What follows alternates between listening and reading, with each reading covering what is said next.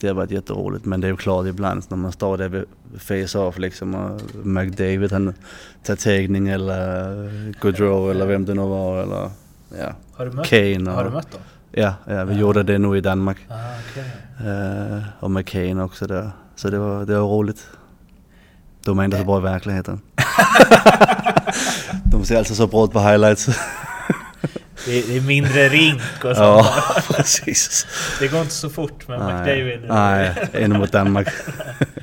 Nej, men någon, eh, snart är eh, råttet mogat alltså. Persson! Lägger på blå för loppen, kommer skjuta, fintar skott, spelar pucken höger istället, Davidsson skjuter, man lever över returen! Skottläge kommer där! Kan jag få låna micken? I mål! Hur skjuter karln? Hur skjuter han? Jag kan bara säga att det där är inget skott faktiskt Lasse. Det där är någonting annat. Det där är liksom, han skickar på den där pucken så jag nästan tycker synd om pucken. Den grinar när han drar till den.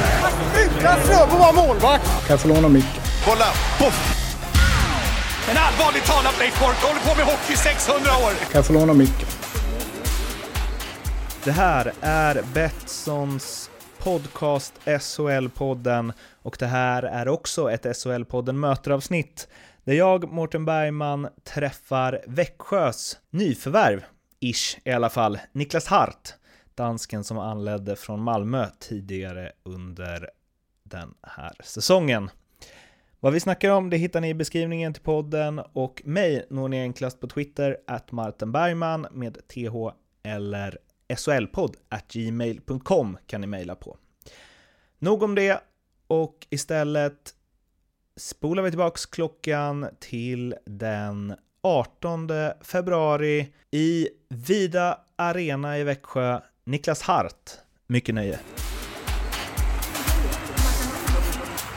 Det här är ju intressant tycker jag, för att jag tycker alltid att det är kul att intervjua danska eller norska hockeyspelare för att ni har ju liksom en annan hockeykultur. Eh, en mycket yngre hockeykultur än i Sverige, men som har... Eh, eller jag, jag tänker i alla fall att dansk hockey har utvecklats enormt under den tiden som du har spelat. Liksom. Hur, hur har dansk hockey ur din synvinkel liksom ändrats sen du var 20 eller 18? Liksom? Ja men det, det började väl kanske lite innan min tid men när jag var typ började, börjar komma upp i 14, 15, 16 års åldern uh, hade vi väl sådana elitsamlingar där det oftast var svenska tränare. Uh, uh, det hade varit uh, Jim Brithén också hade varit på A-landslaget och, och därifrån hade ju började vi när, när vi var yngre uh, och få svensk input liksom och så. Och redan då tror jag faktiskt det började. Sen, sen har det väl bara uh, blivit mer och mer därifrån. Uh, det har blivit mer fokus på ishockey och i och med att vi har spelat i, i A-gruppen så, så pass länge nu så, så har det blivit mer och mer och på det sättet har folk fått lite mer ögonen upp för det och det är fler som har börjat och har gjort, har gjort en del bra resultat också på VM och mm och nu senast VM på hemmaplan så, så allting har varit med till att göra det mycket större. Men vilka, vem var liksom din idol? Alltså jag tänker såhär Jens Nilsen. Och... Det är faktiskt roligt att säga det. Jag hade ju faktiskt en, en ram med, med bild med autograf med honom hemma också. Uh, Jesper Dus också. Uh, så det är väl klart. Uh, sen Kim Ståhle, Jesper Damgaard och Martin Gren också. Och alla fick jag lov att spela med när jag kom upp som ung på A-landslaget. även med, med, med Kim Martin och Jesper i Malmö också. Så det var väldigt kul att, att få spela med, med dem man alltid har sett upp till. Och, Ehm, men det har väl inte varit Peter Forsberg från, från jag var helt liten. Att jag, jag har en hel bok med, med hockeykort och sånt uh, som faktiskt ligger hemma hos min pappa som ska kolla på nu här snart till sommar igen. Med, med Peter Forsberg? Med Peter Forsberg, ja. med, jag tror jag hade en 30-40 olika kort kanske ja. som jag samlade på. Så det, det har alltid varit en, en stor inspiration. Vad kul, nu måste jag, jag, jag har, gjorde också det. Ja, jag okay. hade liksom en plastficka per kort med honom. Du Ja. vet de här hårda. Ja, ja precis. Eh, jag tror jag har 71 stycken. Oh, det, det är många. Vi kan byta någon. Ja, absolut, absolut. Det, det, det är kul, jag och pappa vi, eh, vi hade alltid mycket hockeykort och köpte massa paket och hade typ flera tusen kort eh, och samlade på Okej. dem. Så det, eh, det var kul att lära namnen också och känna igen NHL på, på det sättet. Men var det någon dansk som spelade i NHL när du... Uh, nej, nej. Uh, Frans var ju den första. Just det, Jag var det är 2001 tror jag. Mm. Um, Vad är han? Han är 84? Ja, han är nog 84, det kan nog 84, stämma. ja.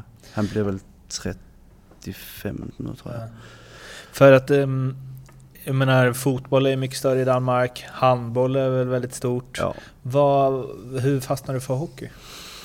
Det var faktiskt min pappa som, han spelade faktiskt också fotboll. eh, men man har alltid intresserat sig för hockey. Uh, och en ganska tidig ålder så åkte han till, jag tror det var eh, VM i Finland själv, typ som 18-åring. Eh, en 18-åring dans som aldrig har spelat själv men han var intresserad av hockey. Och så fick han ju mig där som, som sin, sitt första barn och så skulle jag pröva det eh, och spela lite hockey sen. Eh, och se, sedan dess har jag tyckt det var kul och Mm. när jag började med, med stål framför mig och försökte åka skridskor. Men, men tänkte du att så här, det här ska jag leva på? Jag, jag har ganska bra minnen av att i en ganska tidig ålder, du vet så när man var i klassen, skolklassen och sånt och folk frågade, för det var inte så vanligt med hockey då. Jag var alltid ganska säker och övertygad av att jag kände liksom att det är det jag kommer att göra framöver.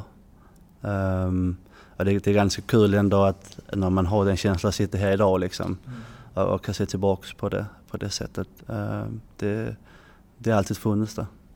Men nu när du har liksom eh, gjort massa landskamper och du har spelat massa år i SHL, KL, alltså är... ehm, vad ska man säga? Eh, är du igenkänd på stan i Danmark? Nej, verkligen inte. Noll? Eh, noll, Ah, nej, okej. nej ingenting. Det, är- det är ju som du säger, det är fotbollsspelare och handbollsspelare. Eh, men nej, inte alls. In, inte på det sättet.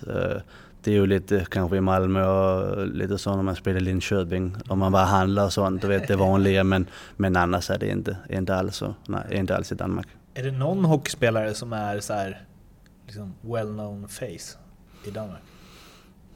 Alltså det är ju de som spelar i NHL, eh, Mikkel Böttger, Frans Nilsson och Fredrik Andersson och Det Eller. de folk där. vet vilka de... Ja, ungefär. Men jag tror inte de skulle känna igen dem på stan alls. det är så alltså. Vissa kanske men, men inte alls. Nej, inte som i Sverige.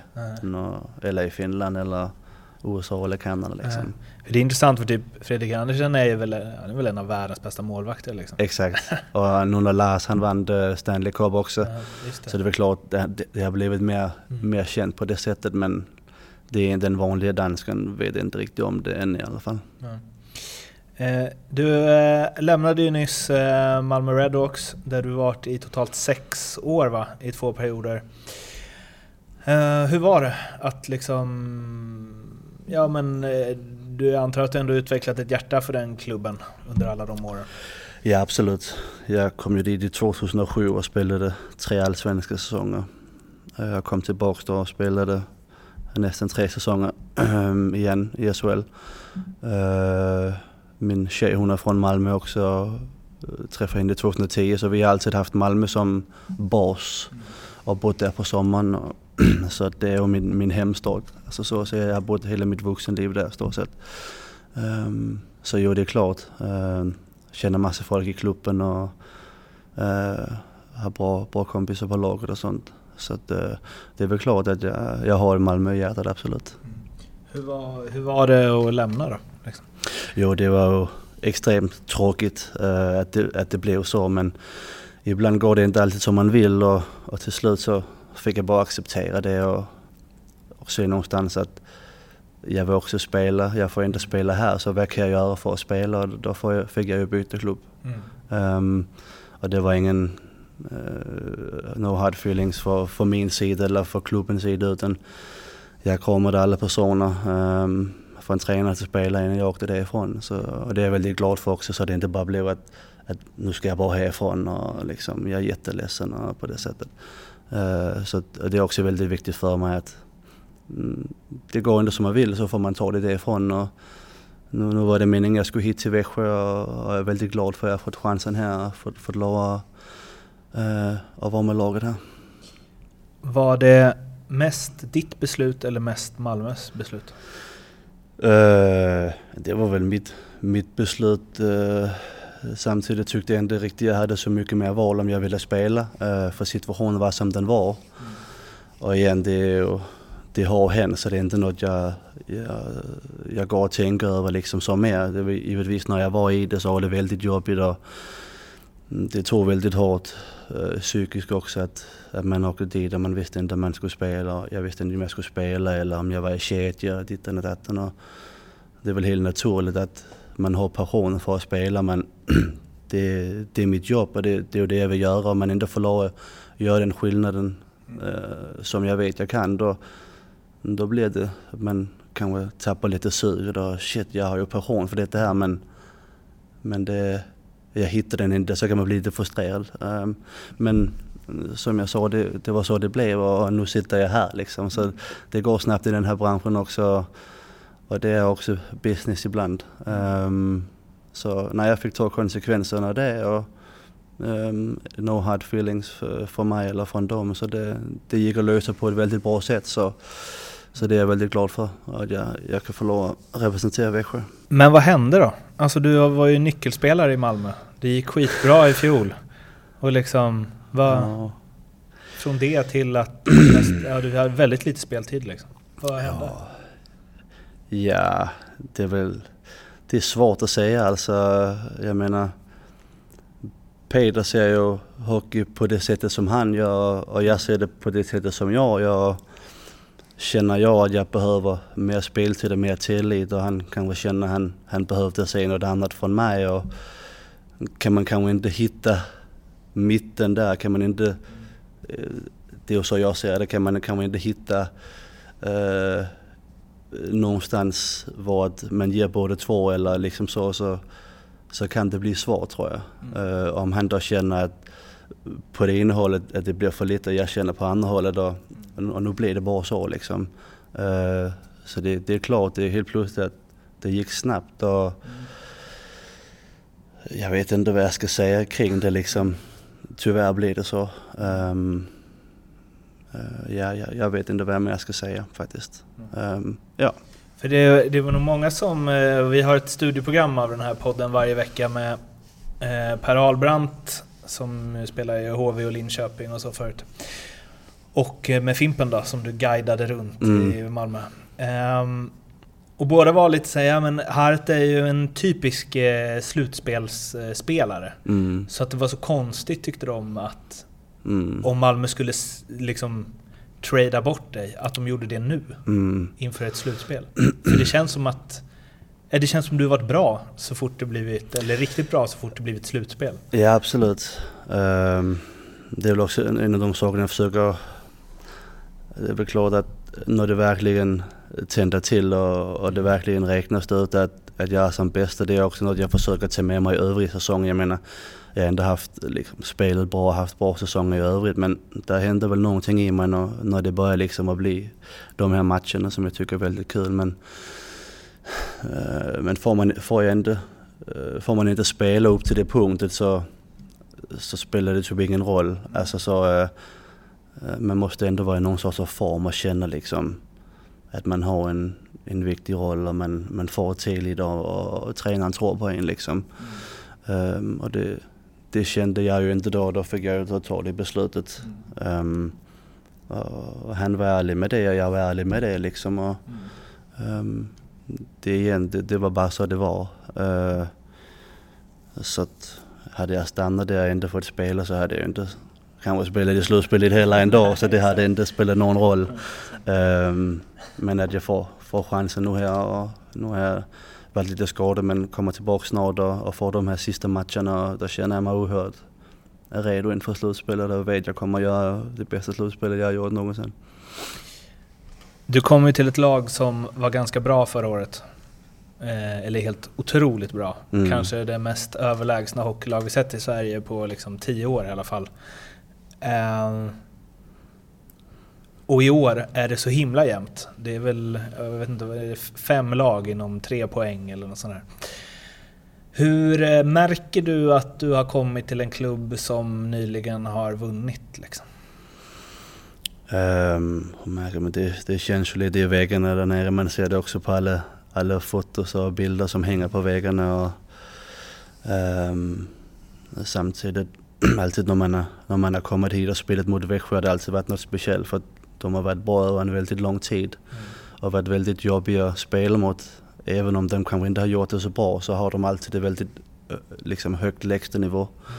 Um, Eh, även om, om det har gått lite tungt innan nu här jag kom så, så känner man det eh, inom gruppen känns det som det är något speciellt. Och, och det är väldigt duktiga hockeyspelare. Jag tycker också ledarstaben, de, eh, de skapar väldigt bra ramar för att, att man ska lyckas. Och, ehm, um, annat är lite så, jag har inte varit här så jättelång tid heller men det är väl det jag känner att uh, även mentalt tränaren också att som jag snackat lite med, det känns väldigt, väldigt bra.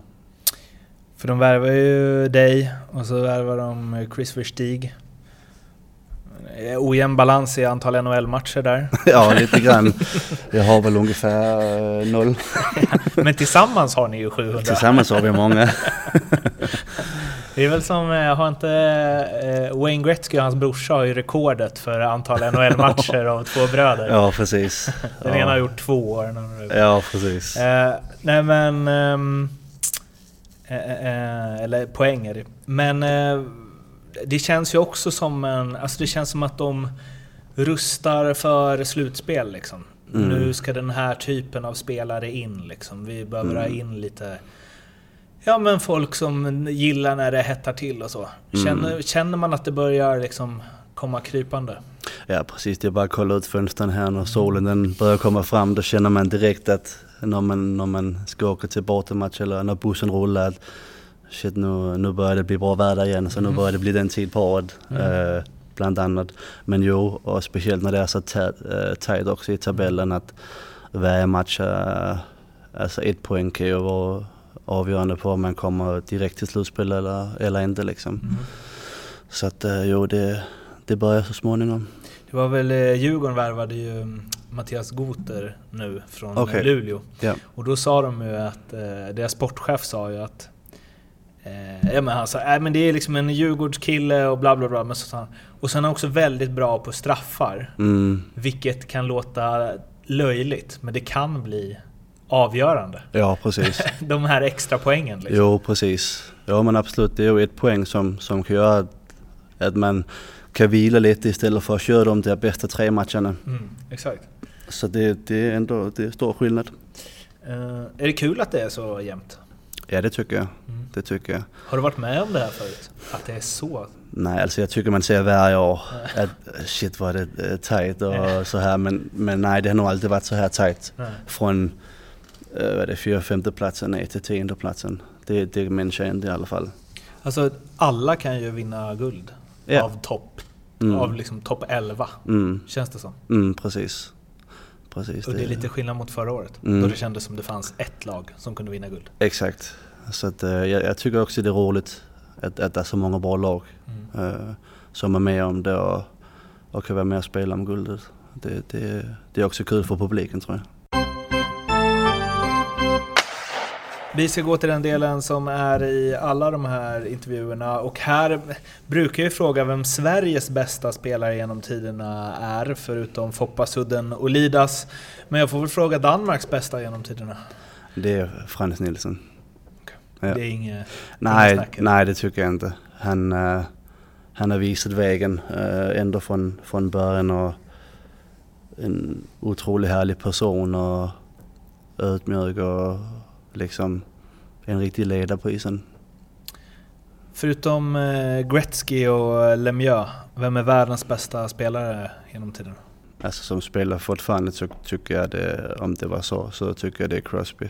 Jag tycker han, han har verkligen allt och jag tycker det är kul att se hur han gör precis allt. Uh, inte för att jag kollar speciellt mycket matcher men highlights brukar jag kolla. Uh, han, han tacklar, han täcker puck, gör mål, assist och han gör allting så, så bra tycker jag. Om det hade funnits en eh, tidsmaskin så du hade kunnat åka tillbaka till eh, 1990. Hade du platsat i första femman i alla NHL-lag då? I, Alla NHL-lag. om jag hade det? Ja, så bra som du är nu. Ja, svårt att säga. ja, Jagger, Lemieux, Hart. Ja, det, hade, det låter väldigt bra. Jag har spelat mot Jagr några gånger. Eh, och och det var väldigt, väldigt kul. Eh, det gick inte riktigt att ta pucken ifrån honom för han, han vände bara rumpan åt mitt håll så, så gick det inte riktigt att göra någonting. Då hade du en här Ja precis, ja det var inte speciellt kul. Eh, om du får tänka helt fritt, vilken regeländring, eh, oavsett hur galen den är, hade du velat testa en match? U- Utan offside. Hade, Hade du kul. legat och fiskat då? Ja, absolut. På vänster, vänsterkanten. Eh, utifrån, om, om man räknar bort så här, vem som blev bäst eller vem som har bäst CV, vilken spelare är den som du har spelat med som du tycker varit bäst? Där och då är det bästa du sett liksom, i egna laget. Mm. Alltså, jag tycker faktiskt... Uh, jag spelade med en som hette Ben Eves uh, i Jokerit, min Jokerit-tid. Och han var inte jättemycket en sån man, man la märke till. Alltså så jätteflashig men han, han gjorde allting rätt. Och han var ju center. Uh, och så hade jag Filppula på andra kanten. Eller hade vi Filppula, uh, Illeri. Och liksom han, han låg alltid rätt i banan. Han var jättebra i försvaret men uh, låg alltid bra pass och var med i anfallet också. Gjorde kanske inte jättemycket poäng heller men han, han var så lätt att spela med. För att man visste alltid vad man fick och det alltid var bra liksom. Så att eh, det, det är nog han. Så, så vill man ju att folk ska säga om en. Ja, verkligen. Ja, ja men det är bara liksom Ja, Niklas, han är alltid rätt. Han ligger alltid rätt i precis. banan. Det Ja, liksom- jag hoppas vi är någon som säger om någon år. Eh, utifrån eh, samma kriterier, den bästa du har mött? Den bästa jag mött. Det är nog... eh, jag tycker det är tre som har varit... Nej, det, är många. Men uh, Datsuk, han gick inte ta pucken från heller. Och Jaka då också. Uh, och Kowalczuk. Han, han känns lite slapp ibland bara. Kowalczyk. Ja, men när han bestämde sig. och Det gjorde, det gjorde han oftast inte mot Danmark. Men- när han väl gjorde det så var det inte så roligt. Nej, det känns som en match då han kunde åka runt och Ta det lite lugnt. Ja, precis. Men det räckte ju med att han fick eh, ett skottläge så Ja, kunde den sitta i krysset. ja precis. Eh, Men Datsjuk, det är ju många som har sagt Mm. att han så här, man kan liksom inte gå på Nej, riktigt. nej. Nej men han gör alla sådana små grejer liksom i, i backchecken till exempel. Eh, om man håller på precis att få den på blått och kan slå till klubben lite bara. Precis innan man tror man har det men det har man inte för då gör han någonting sånt eller när han skjuter pucken liksom. Det, man kan bara ställa sig in med femmor på tärning och bara stå och vänta liksom. Skjut så vi kan vinna pucken. Eh, Den bästa tränare du haft? Den bästa tränare jag har haft? Ehm, den bästa tränare jag har haft? Jag har haft många bra. Jag gillade, vad hette han, Erka Westerlund. Jag hade i Jokerit, en, en lite äldre finne. Eh, och han sa inte riktigt någonting i båset men han, han såg väldigt, alltså han observerade väldigt mycket. Och när han väl sa någonting då, då lyssnade man verkligen för att ehm, han, han, han såg liksom spelet på ett fantastiskt sätt liksom. Så han behövde inte säga så mycket utan han, det fick han de andra till att säga men när han verkligen sa någonting så lyssnade man. Ehm, jag skulle väl säga han alltså gillade jag Per Bäckman, Bäckman som vi hade på, på landslaget också. Eh, han, var, härlig. han var en härlig, en härlig, härlig kille och en härlig tränare och, och, och var rolig också. Eh, det var en bra tid. Vilken typ av tränare gillar du? Alltså så här, skrika och gapa eller tysta? Eller Den som säger jag ska spela mycket. Nej, eh, jag gillar väl en blandning faktiskt. Ehm, inte för mycket skrik för det skapar liksom en oro i båset. Men mer, jag gillar mer en som observerar, som ser spelet, de där små sakerna. Och inte bara liksom att man gör ett mål, eller man gör liksom när det är något bra eller när man får en, liksom kritik för något dåligt utan att små grejer som gör att om du gör lite, lite annorlunda den situationen nästa gång eller skater lite mer mot vänster eller du vet sådana. eh, Det blir lite, lite på det sättet, det, det gillar jag. eh, Att se liksom helheten, inte bara att om jag nu gör mål så är det bra men hade jag inte gjort mål så hade det kanske inte varit så bra. Så, jag vet inte om du förstår vad jag menar Ja, men, absolut. men om man då inte har gjort, gjort mål så hade man kanske fått lite skit för det. Ja. Ehm, och nu när man gör mål så var allting bara bra. Mm. Utan att man ändå kan liksom, att det kanske inte var det bästa sättet att göra det på. Alltså man ser de där små, små grejerna liksom. Eh, Sam eh, pratade ju om det om eh, Robert Rosén som var här i fjol. Då sa han att eh, ja, men det är lätt när man tittar på honom att han, men han ser lite slapp ut, han har inte så bra skridskoåkning, han tacklas inte, han åker runt där liksom. Men när man kollar på alla vad heter det, underliggande siffror liksom, eh, ja, skapade målchanser och så, så är han i topp på allt. Mm. Liksom. Vilket är rätt fascinerande ändå. Alltså. Om jag håller, jag håller med dig för det är alltid så han, han ser kanske inte jättebra ut men han, han vinner alla sina tag typ och han, han skjuter väldigt, väldigt farliga skott hela tiden. Även om det inte ser så hårt ut så, ja men jag, jag, håller helt och hållet med. Det, han, han är väldigt duktig liksom och går lite under ra- radarn liksom på det sättet. Ja. Man gillar ju spelare som inte ser så bra ut men som är bra. Ja, exakt. Ja, precis. Så ser han ju o- också bra ut Ja, ibland ja, såklart. verkligen. Eh, En jätteduktig spelare. Den eh, bästa lagkamrat du har haft, hur du tycker man ska vara i ett omklädningsrum och i ett lag? Liksom. Mm. Det har också varit många. Men eh, nu hade jag förmånen att spela med eh, Rahimi också i Linköping. Ehm, och nu, nu är vi samlade här igen. Ehm, men han är, han är en jättebra typ att ha.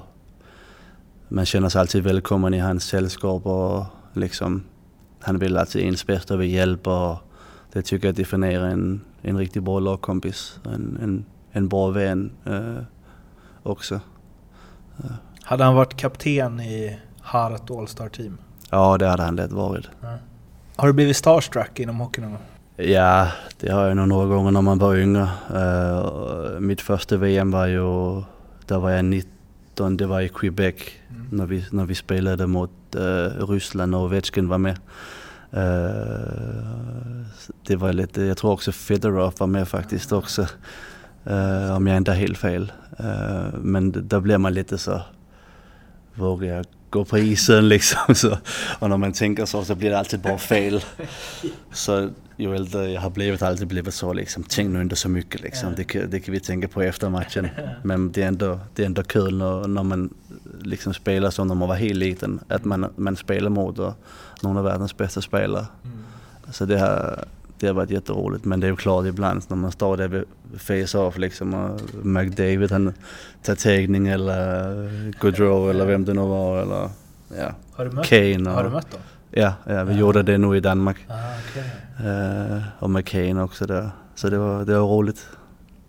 De är inte så bra i verkligheten. De ser alltså så bra ut på highlights. Det, är, det är mindre rink och sånt. ja, precis. Det går inte så fort med Nej, McDavid. Nej, en mot Danmark. Ehm, har du mött Foppa? Eh, det har jag faktiskt en gång när vi spelade en, en match, en välgörenhetsmatch i Danmark. Var det var väl Foppa och Näslund som hade något lag som åkte runt. Mm. Icebreakers. Ja det var det nog ja. Mm. ja. Så där, där spelade jag mot honom. Där blev han också lite starstruck tror jag. Jag skulle sagt det. Jag har, jag har lite bilder på dig här. ja precis. Eh, vilken eh, idrottare från någon annan sport är du mest imponerad av? Jag är väldigt imponerad över fotbollsspelare faktiskt. Uh, hur, du vet så, man alltid så hockeyspelare och fotbollsspelare, de är, ah, de är liksom så det, det är inte så svårt när vi spelar 2-0 på uppvärmning och sånt, du vet och så, men när man verkligen försöker skjuta ett ordentligt skott eller uh, skjuta i ett inlägg eller lite så, så inser man hur duktiga de är. Um, men även golf också till exempel och, Mm. och många så eh, tennis och Har du någon favoritatlet liksom som du följer? Nej, nej det har jag nog inte. Mm. Nej. Vem är världens bästa fotbollsspelare? Mm. Nu kollar jag inte så mycket fotboll heller så men... eh, Jon lätt- Dahl Tomasson. Ja precis. Att det, är lätt, det är ju lätt att säga Ronaldo. Eh, men jag, jag tycker han... Man kan säga vad man vill om hans humör, det, det går upp och ner men jag är imponerad över hur duktig han är. Alltså, han, han, han ger alltid järnet. Eh, men man ser liksom hur mycket han vill vinna. Eh, så ibland så ser det ut som han inte alls bryr sig men, men det, det tycker jag är roligt att se. Vilken eh, egenskap som hockeyspelare är din bästa? Eh, Det är att om, om det inte riktigt går efter, eh, om det inte riktigt går som jag vill, eh, man kan väl känna man, man inte riktigt har en bra dag liksom eller man, man känner det, det går inte helt som jag vill idag, då, då vill jag alltid ändå liksom göra allt vad jag kan. Om, om det då är att blocka ett skott eller liksom göra en extra tackling eller liksom göra de grejerna som jag vet jag kan. Ehm, och så börja det hållet istället för att man ska börja göra, gå det svå- svå- svåra hållet. Att man börjar, ska liksom göra en extra fint eller försöka skjuta i ett svårt läge eller vad det ska vara. Att man, att då börjar liksom på det hållet att jag vet att, att jag kan liksom. Och ändå kan bidra med någonting istället för att, att det, det gör det jobbigt för laget. Att då jag ändå kan bidra med, med de sakerna. Det, det kan vara väldigt svårt ibland. Det är lätt att bara liksom, ah fan det känns inte bra idag. och Fan det är liksom så. Men att man ändå liksom är mental med hela tiden. Och försöker liksom att bidra ändå och hjälpa. Det tror jag man kommer väldigt långt med. När du har varit som bäst, enligt dig själv, hur... Eh, det här är ju väldigt så här filosofiskt, men hur nära ditt max tror du att du har nått? Liksom? Mm, Jag gillar, jag gillar filosofiska och djupa frågor, jag älskar djupa grejer. Men mm, alltså det, när det är så jag spelar som bäst så då, då tänker jag inte alls. Då liksom, då är det bara byte för byte och man liksom är in the flow. Uh, och bara liksom glömma tid, glömma ställe. Det liksom, allting handlar bara om att liksom, var är pucken, liksom vad ska jag göra nästa gång? Eh, eh, och det upplevde jag väl första gången när jag spelade i Linköping om jag ska ta ett exempel. Eh, I mitt första riktigt bra slutspel, alltså så när jag kom till SHL. Och där, där mådde jag liksom hur bra som helst på isen och kände liksom det är ingen som kan stoppa mig. Och den känslan det, det, det är den roligaste att ha när man spelar hockey. Att man inte tänker på något annat liksom. Men liksom hur... eh, För det blir ju en... För man vill ju, man vill ju inte känna att man har nått sitt max. Nej. För man vill ju ha något att kämpa för. Ja. Men man vill ju heller inte känna att man är jättelångt ifrån det. Nej, För man, alltså, men var, var tror du att liksom... Kommer, om din karriär hade tagit slut idag, mm, att båda korsbanden och tack och hej. ja. Hade du känt att så här, ah, jag fick ändå ut mycket av min potential? Liksom? Det här hade jag känt, ja, men jag vet fortfarande att, att jag kan bättre. Eller kan bättre, att det finns en nivå till. Ehm, och ju äldre jag har blivit, ju mer förstår man att det är klart det handlar om det man gör på isen, det handlar om hockey, men det handlar ju 95% uppe i skallen och eh, hur man mår inuti liksom. Um, man mår med sig själv överlag. Uh, hur mår man i livet i övrigt? Allting handlar inte bara om hockey.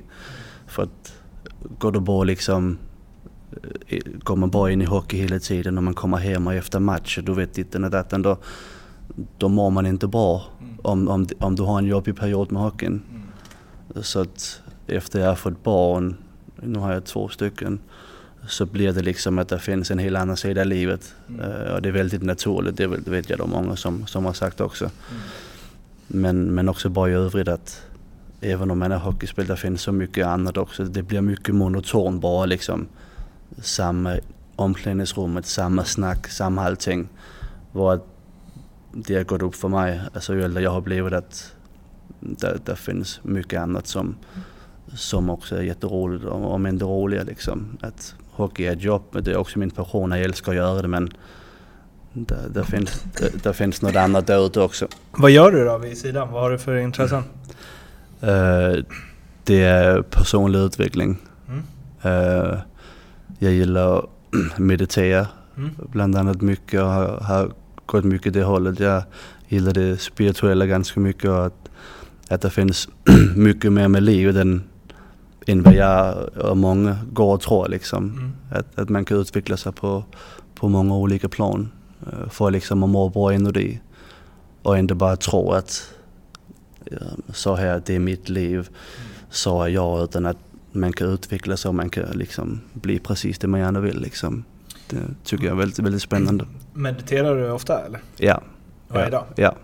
Hur, hur är det då? Är det såna... Jag har någon app där, Headspace, som jag tycker är Ja, spännande. ja precis. Ja men det, ja, det är olika liksom. Eh, Jag, jag börjar väl med, med lite sån app också. Och nu liksom har jag kommit bättre in i det och liksom för mig är meditationen bäst när man liksom du vet själv, jag vet inte om har du prövat själv men när, man sitter liksom, där kommer ju tusen tankar hela tiden i början. Det är väldigt svårt att fokusera för att ja, så ska jag äta till frukost och vad nu ska jag borsta tänderna och så är det träning liksom. Och, och där kan man inte få ett lugn liksom. Men när man kommer över det och att man typ, man glömmer sig själv. Det är då man börjar liksom att känna effekten av det. Och, och det är det jag har, de ögonen har gått upp för mig att liksom, jag mår som bäst när jag gör det. Liksom bara liksom andas och bara ta det lugnt. För det finns så många olika faktor, faktorer som jag inte kan kontrollera i min vardag. Och överallt du vet så hela tiden är det någon som liksom om det är där barn eller tjej eller träning eller liksom ofta så hinner man inte tänka över vad går jag egentligen att göra i mitt liv. Alltså missförstå mig inte men det är sällan att man kan ta lite lugnt för sig själv och liksom för att man är uppe i varv ganska mycket. Och så flyter det bara på och så agerar man bara, man tänker inte egentligen över vissa saker, man gör det bara per automatik. Och det tycker jag är väldigt intressant att går man så i flera år så helt plötsligt, shit var, var blev tiden av? Och det, det, det, det har gjort lite för mig att jag vill liksom gå lite åt andra hållet och liksom allt jag har det är här och nu. Och det är det som jag tycker är väldigt intressant att, att man måste uppskatta här och nu. Och det är svårt. Det, det är svårt när man har gjort det ett visst sätt på, i 20 år eller hela sitt liv och hitta till, till något annat. Det tar tid att komma in i liksom. Men hur mycket mediterar du per dag? Det kan variera. Alltså nu, nu har jag varit själv här, eh, här uppe till exempel. Uh, ute min, min familj kom idag och ska vara här en, en och en halv vecka. Men då kan jag lätt liksom göra det två timmar per dag till exempel. Ja, det är så alltså. Ja. Har det, får det liksom, säger man, effekt på hockeyspelandet också? ja, allting. Ja. Det, det gör liksom att det är svårt. Jag, jag är själv ganska ny i det, även om jag har gjort det så några år. Men liksom hur hjärnan funkar, hur kroppen funkar, hur allting funkar, det tycker jag är väldigt intressant för att mm, det är väldigt, vad ska jag säga, det är väldigt lätt liksom att förstå det men att göra det, det är liksom det är väldigt svårt att sätta sig ner 40 minuter och så verkligen göra det liksom. Precis. Men det är hela tiden mobil, så är det någon som ringer, sms det liksom. Och det, den rån har jag kommit på att jag behöver för att må bra. Ehm, och liksom också bara, det är väl inte kanske så många som gör det men att man, det viktigaste för mig är att man vågar vara sig själv. Ehm, och bara liksom, det är så jag är om det är någon som, som tycker det är lite så, för det kan vara svårt för mig i början till exempel att säga, ja men jag mediterar liksom. Eller det kanske är något jag säger, jag hade gått och skyltat mig i början men ju mer, ju mer säker man blir på sig själv och ju mer man förstår det jag, ju lättare är det att vara sig själv och det, det är det som jag tycker är det viktigaste. Är det några hockeykompisar som gör det? Som Men- du ja, mediterar, som du fått med dig? Uh, ja faktiskt. Eh, jag och Hentemark brukar snacka lite om det faktiskt. Han gillar också uh, lite det hållet. Mm. Um, annars har jag väl inte snackat så mycket. Det känns Men- inte, det är inte det första jag tänker på när jag tänker på hockey. Nej exakt, det, det är väldigt macho, det är väldigt lite så. Och det, men jag, jag tycker det, det, det är roligt att man, liksom för jag, det är väl också hur jag alltid har varit själv, att jag kanske inte alltid har vågat att vara mig själv och liksom kanske säga saker i omklädningsrummet till exempel. Att om jag har haft något på hjärta, för vem, vem ska lyssna på mig? Då vet jag, tror det är många som sitter så runt omkring, inte bara i omklädningsrummet men i livet överlag, att man inte vågar liksom jag har inte något vettigt som jag tycker, att man då vågar säga det och stå för det. För att så kunde, man, så kunde jag gå hem med en känsla av varför sa jag inte det liksom? Och så blir man lite så, liksom, jag vet inte så missnöjd med sig själv men, man, att man inte vågar. Men det tar tid liksom att komma in i att verkligen våga snacka framför för 20 andra män liksom eller, eller tjejer eller vem det nu är man, man spelar med. Uh, Men det kräver också att man övar sig och när jag gjorde det första gången då kände man shit vad häftigt liksom. Och det var till och med någon som tyckte det var bra saker jag sa. Men det är ju det där viktigt tycker jag att, att man mår bra, man kan stå för de sakerna man känner och verkligen säga det. Eh, om alla gör det på laget så skapar man ju något helt speciellt. För att det kan ju alltid någon som kanske inte vågar riktigt. Och, och det är ju viktigt för där, den meningen eller deras åsikt, eller det de har på hjärtat är väldigt viktigt. Eller kan vara väldigt avgörande för att gruppen ska må bra.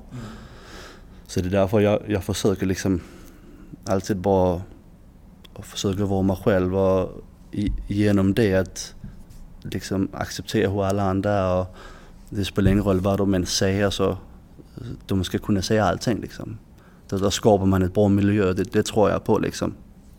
Den, den miljön att kunna vara sig själv och säga vad man känner och tycker och liksom visa känslor och hela den biten. Mm. Har det ändrats inom liksom hockeyomklädningsrum? Ja, det tycker jag. Det tycker jag. Det är, det är mycket, mycket liksom lättare att komma upp som junior nu också än det var för, Eh, för, för många år sedan. Att man är kanske inte, det är liksom lätt att bli accepterad men det var väl mycket så juniorer ska göra ditten och liksom, de ska bara lyssna och liksom jag, jag tycker, jag gillar mycket mer när det är så här att, att de också är väldigt kaxiga i och för sig när de kommer upp så det är klart de, de måste ändå få höra vissa saker ibland men att mm, de är liksom lika mycket värda som alla andra på laget vad jag kände innan att fan det är bara en junior liksom. Alltså, det, jag gillar inte riktigt det på det sättet. Jag tycker det har ändrat sig mycket, det är jag väldigt glad för.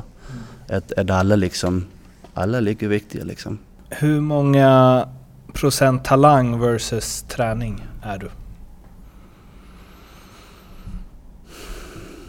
Sen kan ju träning vara en talang också, men om vi Mm. säger så här, alltså bolltalang. Medfött. Eh, jag tycker ja, s- 60 talang, 40 träning eller 50-50. Du var Eh, ändå bra tidigt liksom. Ja, ja. Jag, jag var faktiskt med en, eh, en, en lirare innan liksom. Uh, spelade center också när jag var yngre och gjorde liksom massa poäng och sånt. Och så ändrade det sig lite när jag skulle och spela senior. Mm. Och så blev det lite mer liksom att jag satte mig själv lite mer i ett fack att nu ska jag bara tackla så lite så. Så har det blivit lite mer åt andra hållet igen. Men jag, försöker ändå samla det bästa av allting liksom. Kommer du avsluta med att gå till liksom danska ligan och vara ba- bara powerplay, bara... Nej, man ska aldrig säga aldrig men, men nej, det, det tror jag inte. Eh, absolut Den inte. är väl för bra nu också för att man ska kunna åka Ja. dit och bara landa ja, ja det, liksom. det är en bra liga. Det är det. Med all erfarenhet du har av eh, hockeyvärlden nu.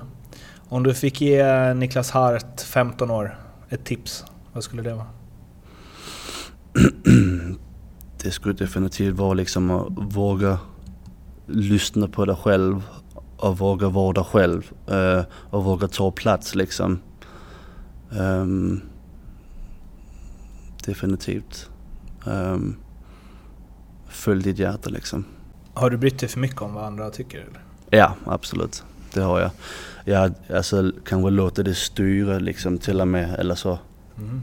liksom, liksom nu, nu domarkollen eller nu är det tv-match eller eh, det var så inte kanske just nu men det var mer när jag var lite yngre att shit och liksom så skulle man kanske pröva att spela annorlunda eller så tänkte man på det mer än att spela eller du vet så, så de där yt, yttre faktorerna de, de fick alldeles för mycket energi liksom och det tog energi bort från bara ha kul och bara spela att man skulle försöka vara något eller vara någon man inte var liksom. Så det är också därför jag är så extra nu när jag har kommit på mig själv och utvecklat mig med det att, att det är det viktigaste för mig att klart man ska lyssna på vad andra har att säga men till slut och, och sist så är det inte jag som tar beslutet, det, det är jag liksom som, eh, som ska må bra. Så jag måste alltid lyssna till mig själv. Som eh, du uppfattar det, vad är den största allmänna missuppfattningen hos folk om hur livet som professionell hockeyspelare? Um, ja men det är ju definitivt uh, att allting är väldigt glassigt och vi tjänar mycket pengar och liksom tränar kanske några timmar varje dag och du vet så har mycket fritid och, och det är ju också så men det finns ju också en annan sida som det är så mycket hårt jobb som tills man blir professionell till exempel eller tills man börjar tjäna pengar. Och även om man är i det att man kan inte slappna av för det kommer hela tiden folk upp som, som, som blir bättre än dig om du inte liksom mm. gör ditt jobb och gör det, liksom, gör det bättre och utvecklar dig. Um, och den mentala sidan också att när det är match så liksom det är ditt jobb men du, liksom, det är ju min, mentalt jobbigt ibland om man inte riktigt uh, kan vara inne i en jobbig period eller vad det nu ska vara men du måste ställa upp varje match. Du måste liksom göra ditt bästa. Du, det är liksom inte, hur ska jag förklara, du kan liksom inte komma undan på något sätt för då, då kommer det konsekvenser av det. Um, om du liksom, nej, idag pallar jag inte riktigt så kanske inte spelar nästa match eller då, det, liksom, det är ju ett konstant press uh, som, som vi har på oss för att prestera. Och det är också det är ju det som kan bli extra jobbigt ibland med det där pressen, att om man lägger mer press på sig själv också, och, och då blir det negativt. Liksom mer press hela tiden. Man ska försöka komma ut över det och bara liksom spela spelet och vara glad men ofta så är det ju pressen tar över det och då det kanske inte blir så roligt. Mm. Ibland. Att man, man går och spänner så är konstant pressat. Mm. Um, det har jag känt själv ibland. Det är som du säger. Ja. 95% i huvudet. Ja. För att alla, alla i hela SHL och de som spelar liksom hockey överlag, alla kan spela hockey. Och det är väl klart att det är vissa som är bättre än andra. Men, men de som är bäst, de, de har också något, liksom, något speciellt hur de tänker eller vad de gör med sig själv. Liksom det, det är mycket mer än bara spela liksom. Mm. För som sagt alla är duktiga på att åka skridskor och skjuta liksom så. Om du skulle få samla alla Sveriges eh, hockeyjournalister och eh, få prata med dem och de skulle embracea och ta åt sig det du säger, vad skulle du säga? Då kanske inte skulle handla så mycket om hockey då. då skulle det mer handla om livet överlag. Mm. Men, uh, skriv, skriv mer om livet, mindre om hockey. Ja, uh. egentligen. Nej, men, jag tycker överlag det är massa med missuppfattningar hur kring livet ska vara.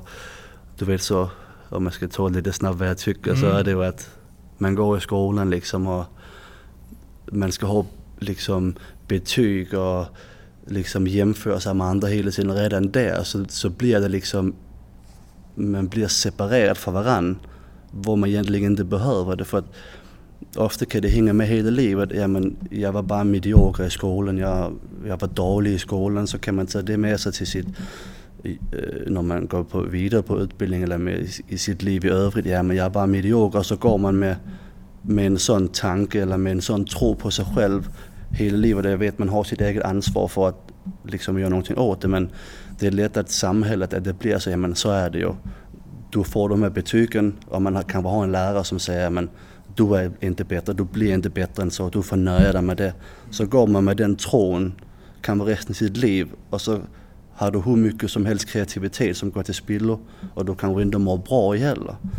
Var att jag tycker att det ska bli sett mycket mer till vem är du som person? Vad är dina kreativa sidor? Nej, du kanske inte är bra på matte men det spelar, det spelar ingen roll för att du ska inte ha något med det att göra i hela ditt liv. Du ska göra något annat som du gillar att ha passion för eller passion för. Och det, det är det som jag tycker är helt fel. Att man ska veta liksom, vad ska jag vara när jag blir stor när man typ är 14 år? Hur ska man veta det när, när du inte ens levt livet än? Du har inte prövat på något. Så det är det, det som jag tycker att du vet så ska man skaffa liksom, alla vill ha en fin, eller nu ska jag inte säga för alla men det är ju, man ska ha materialistiska saker, det är ju liksom det samhället lite går ut på överlag tycker jag. Ska man ha bil ska man ha hus och hund och liksom, ja men så är det ju.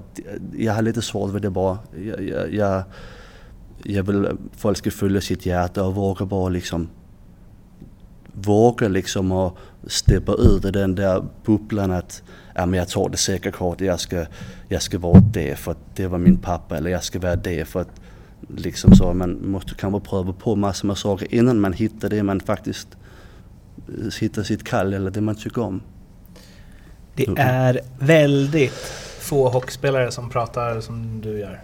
Ja, men jag, jag kan snacka i timmar om det därför att jag, det har gått upp för mig för no, eller kanske för ett halvår sedan eller för ett år sedan. Jag tycker det är, det är så mycket mer till livet än, än jag har gått och trott själv att fan ska jag gå och må lite så? Ja, jag mår väl okej okay, men liksom finns det inte en, kanske något bättre för mig? Och äntligen gick det upp för mig med, med det här med meditera och att, att det finns liksom saker som liksom våga, våga liksom vara dig själv, våga göra det som du vet, alla har vi en röst inom i oss mm som alltid liksom säger du, fan, jag hade kunnat tänka mig att göra det, eller jag hade kunnat tänka mig att göra det. Nej, det kan du inte. Håll du, till, håll, håll du dig till ditt gamla jobb eller eh, vad skulle andra tycka om du gör det? Du vet, alla har vi den rösten någonstans. Och det är bara det jag vill önska och själv försöka att våga göra det, våga ta en chans. För att kanske just nu du kanske inte kommer tjäna pengar på för att du måste ändå kunna leva någonstans. Men kanske om två år så har du skapat ett företag eller kanske om två år har du skapat det som du egentligen alltid har önskat. Men det tar ju en förändring innan du kommer dit. För att du får ju, gör du samma i ditt liv så får du, så får du alltid något annorlunda. Men gör du något annorlunda och går ut i de vanliga ramarna, det är ju då du börjar ändra dig. Och det är ju, nu blir det mycket så jag snackar jättemycket men det, det är ju det jag känner jag alltid har gjort att har jag gått i samma, då får jag samma också i framtiden. Men nu går jag lite utanför ramen och då har jag sett hur mitt liv har börjat förändras.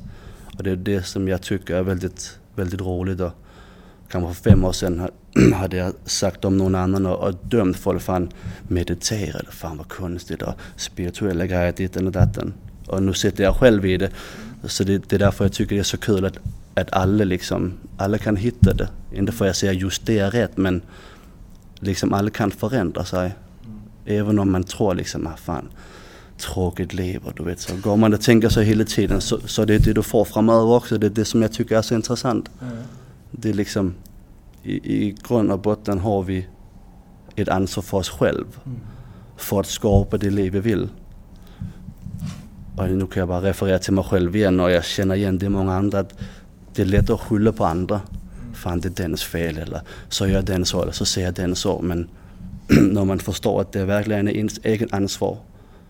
Då kommer det också ett jättestort ansvar att man förstår liksom, nu kan jag inte skylla på andra folk. Mm. Vad de än, än säger till mig eller vad de än gör mot mig så har jag ett ansvar för att må bra. Det är mitt ansvar, det är inte någon annans ansvar.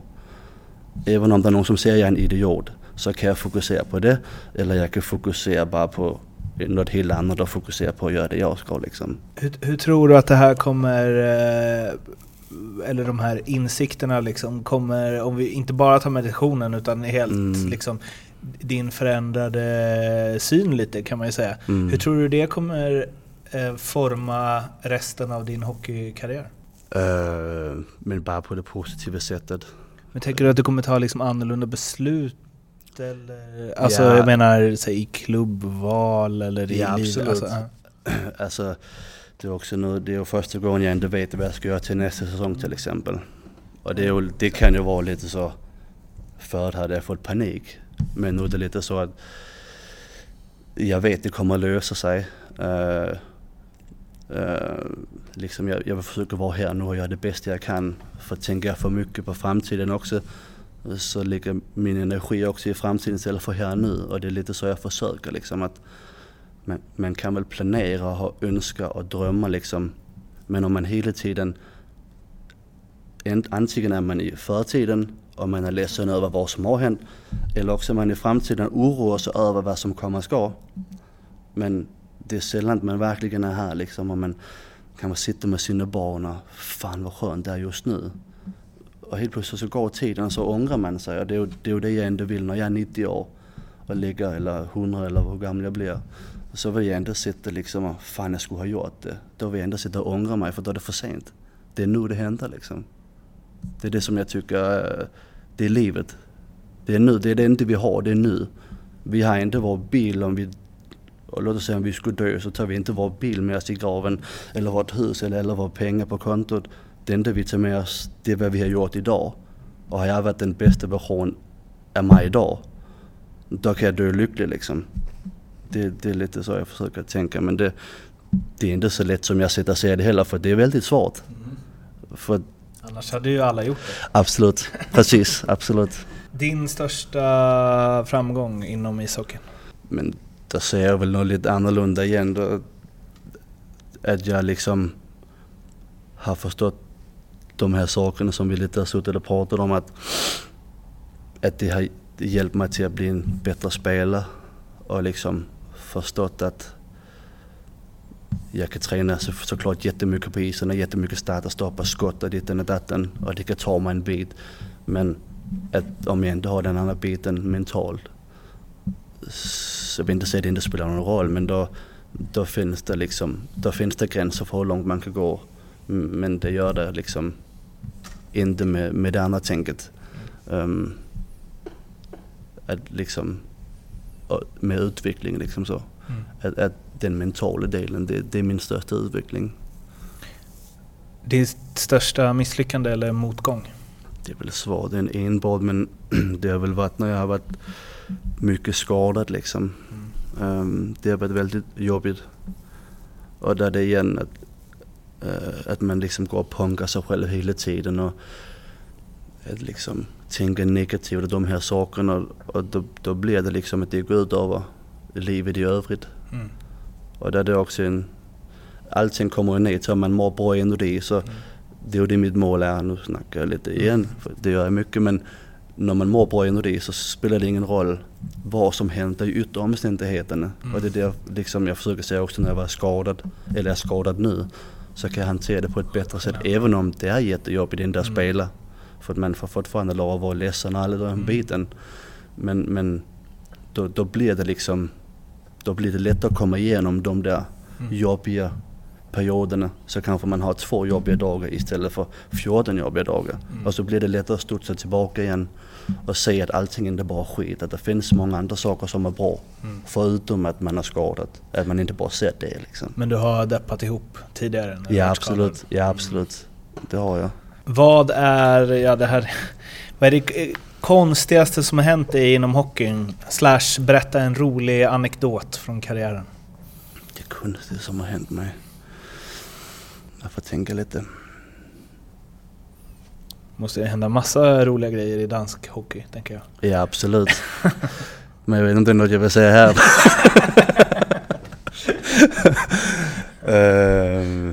Ja, om jag ska vara ärlig, jag kan inte komma på det. Alltså, jag är lite dålig att komma på sån här på rak fart. Alltså. Man skulle skickat det innan. Ja, precis. Ja, Okej då, du slipper. Om du kommer på kan du spela in på mobilen Ja. och skicka sen. Ja, det ska jag göra. Om du helt och hållet fick eh, bestämma hur din sista match i karriären ska vara. Hur gammal du är, vilket lag du spelar i, vilka ni möter och vad som händer. Sky's the limit. Mm, Hur låter det då? då är jag... Hur gammal är jag nu? 30? Vad är det jag Ja, det är är? s- Sex, 16 år till? Ja, det är svårt att säga alltså. Men om du får bestämma helt själv? Ja, men jag vet, Du vet inte? jag vet inte vilket lag det ska vara men nu spelar jag ju här så det hade varit väldigt kul att, att spela här och det hade varit väldigt kul att den sista matchen i min karriär, vi vann guldet. Alltså det får ju vara liksom... Det får ju vara Colorado också. Ja, men jag har inte riktigt de ambitionerna. Nej, okej. Nej, Alltså inte just nu i alla fall. Ehm, faktiskt. Om, får man tro mig eller inte men Det det, får- är väl klart man... Det kan det vara alltid varit- det med alltid varit- Absolut, det hade det kunnat vara.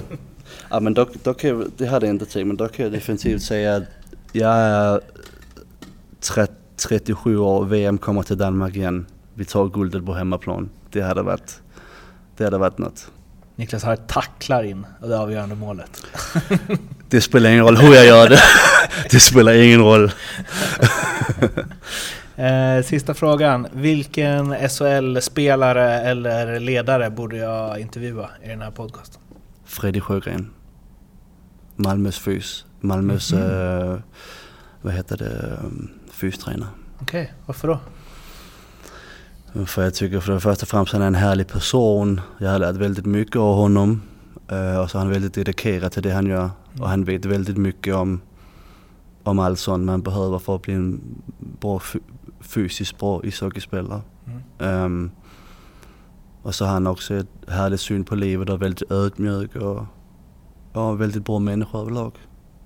Ska jag kolla upp? Han kanske blir den första fysion Ja, som jag- jag intervjuar. Han, eh, han har mycket bra grejer och också varit i USA på föreläsningar. Och han har också haft sitt, sitt eget företag innan han blev då fastanställd i Malmö Mm. med, med killar, hockeykillar som har varit hos honom och sånt. Han är mycket bra på hjärtat tror jag. Måste bara träna lite mer innan känner jag. eh, Niklas, tusen tack för att du ville vara med. Tack för att du ville ha mig.